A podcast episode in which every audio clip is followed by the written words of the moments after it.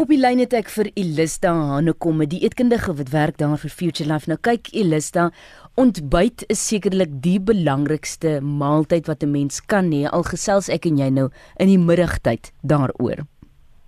Dit is verseker en ek dink 'n mens um, ontbyt kry vreeslik baie aandag en dis vir 'n goeie rede so. So in my oogpunt is is dit verseker die belangrikste maaltyd van die dag.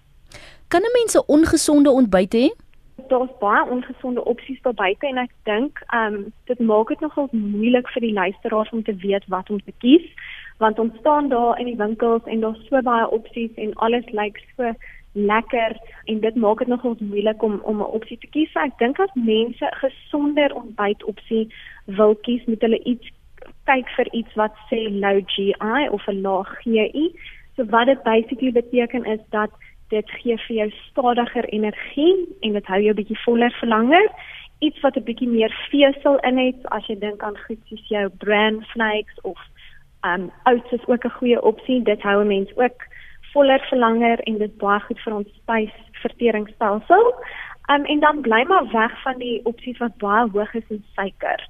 Um dis altyd maar 'n given dat 'n mens maar moet kyk om om nie iets soos dit te kies nie en dan as 'n mens um, in jou ontbyt 'n proteïen kan bysit, 'n vrug en suiwel, dan het jy 'n baie goeie ontbytopsie vir jou. Wat van iemand wat dalk eh, vroegoggend sê maar 6 uur ietsie eet en dan 11 uur weer ietsie kou. Sou dit ook dien as 'n goeie, gesonde, gebalanseerde ontbyt? Verseker as hulle iets kies wat gesond is. So dit hang af wat wat die 6 uur um opsie is en dan ook die 11 uur opsie, maar al hoe meer mense maak sulke tipe besluite, so dis die snacking of die on the go eating. Mm -hmm. Vir my is dit maar net belangrik dat mense ontbyt eet, want ontbyt het so baie voordele. Dit help om jou metabolisme in aksie te stel. Dit gee vir ons voedingswaarde, dit help ons om te konsentreer en eintlik wys dit dat as 'n mens ontbyt eet, kan dit ook help met gewigverlies. So, dit maak dit vir my wil ek maar net hê mense moet ontbyt eet um in plaas om om om net niks te eet nie so dit hang maar af wat hulle eet maar as hulle 'n gesonde opsie wil hê vir ietsie wat on the go is um omdat dit so vroeg is dat hulle opstaan en dan eers weer later ietsie dan is 'n jogurt ook goed um 'n vrug en dan so baie verskillende snackbars of um goed wat op die mark is wat mense ook na kan kyk of iets soos 'n gesondheids muffin. Um 'n mens kan dit vooraf bak en vries en dan kan jy dit net gou in die oggend gryp. Um of dalk ewen 'n ontbytsmoothie wat 'n mens bietjie future life insit is ook 'n opsie. Deesdae is die gonswoord slim, slim foon, jy kry slim kinders en dan kry jy nou ook deesdae slim kos. Wat sou jy sê is daardie smart food of slim kos?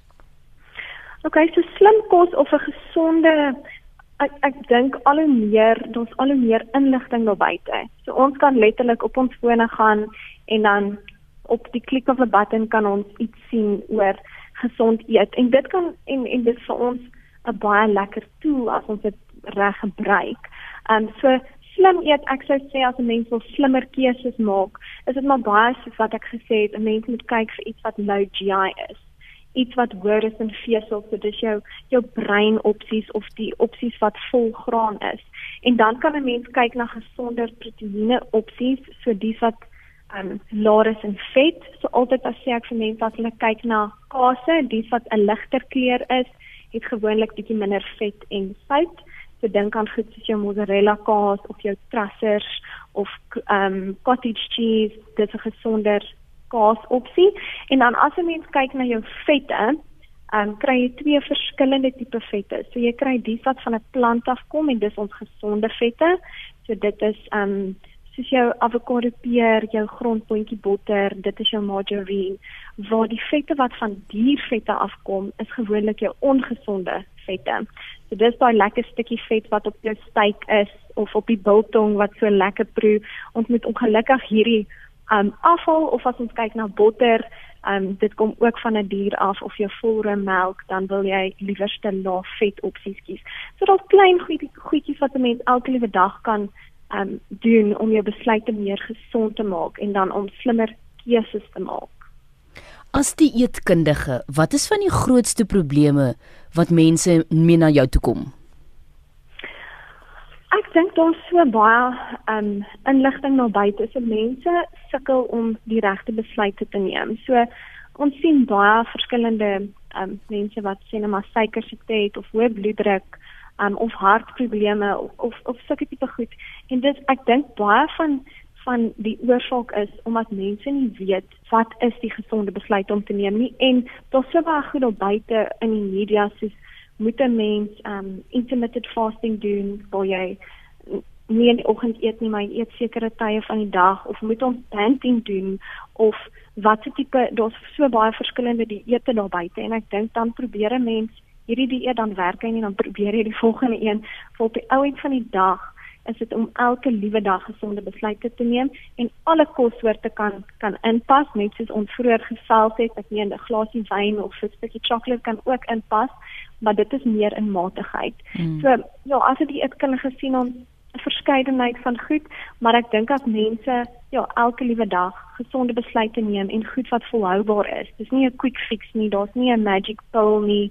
Um anders ons almal baie mooi maar en gesond gewees het, maar om elke liewe dag ja, daai gesonde tipe besluite te neem. Ja. Ons sien nou deesdae, danksy tegnologie en sosiale media veral, dat mense altyd spog dat hulle of yoga doen of by die gimnasium uithang vroeg in die oggend. Nou wat sou jy sê is die regte besluite hier? Opstaan, koppie koffie, dan gaan oefen en dan eet of eers opstaan, eet gaan oefen en dan weer moontlik ietsie eet daarna? Ek dink dit hang af wat die um, persoon se doelwit is. So as jou doelwit is om gewig te verloor, dan dink ek gaan mense seker sê hulle moet nie eet nie en eers oefen want dan gebruik jou liggaam hulle liggaam se energie. Maar vir my dink ek jy moet kyk wat vir jouself werk. Ek weet daar's sekere mense wat glad nie kan eet voordat hulle oefen nie want dan voel hulle baie siek mm -hmm. en ander mense moet nou weer oefen. Maar as ek moes kies, ek dink nie daar's um research agter dit nie, maar as ek moes kies sou ek sê as 'n mens at least 12 uur voor die tyd net ietsie kan eet, al is dit ietsie kleins um en dan gaan oefen want dan het jou liggaam meer energie van die kos en jy kan dan harder oefen. So jy gaan 'n beter oefensessie kan insit um en beter resultate hê. Want ek weet as ek moet gaan draf en ek het nie geëet nie dan voel ek sommer dadelik moeg en ek voel asof ek dit nie kan aanpak nie. So dis nou maar my persoonlike opinie maar ek dink dis grait as iemand opstaan om te gaan oefen. Um so as hulle dit doen is hulle on the right track um, en hulle moet maar kyk wat hulle liggaam vir hulle sê. En dit is dan Elis Dane kom dieetkundige wat met my gesels het oor hoe belangrik ontbyt werklik is. Dankie Elis da.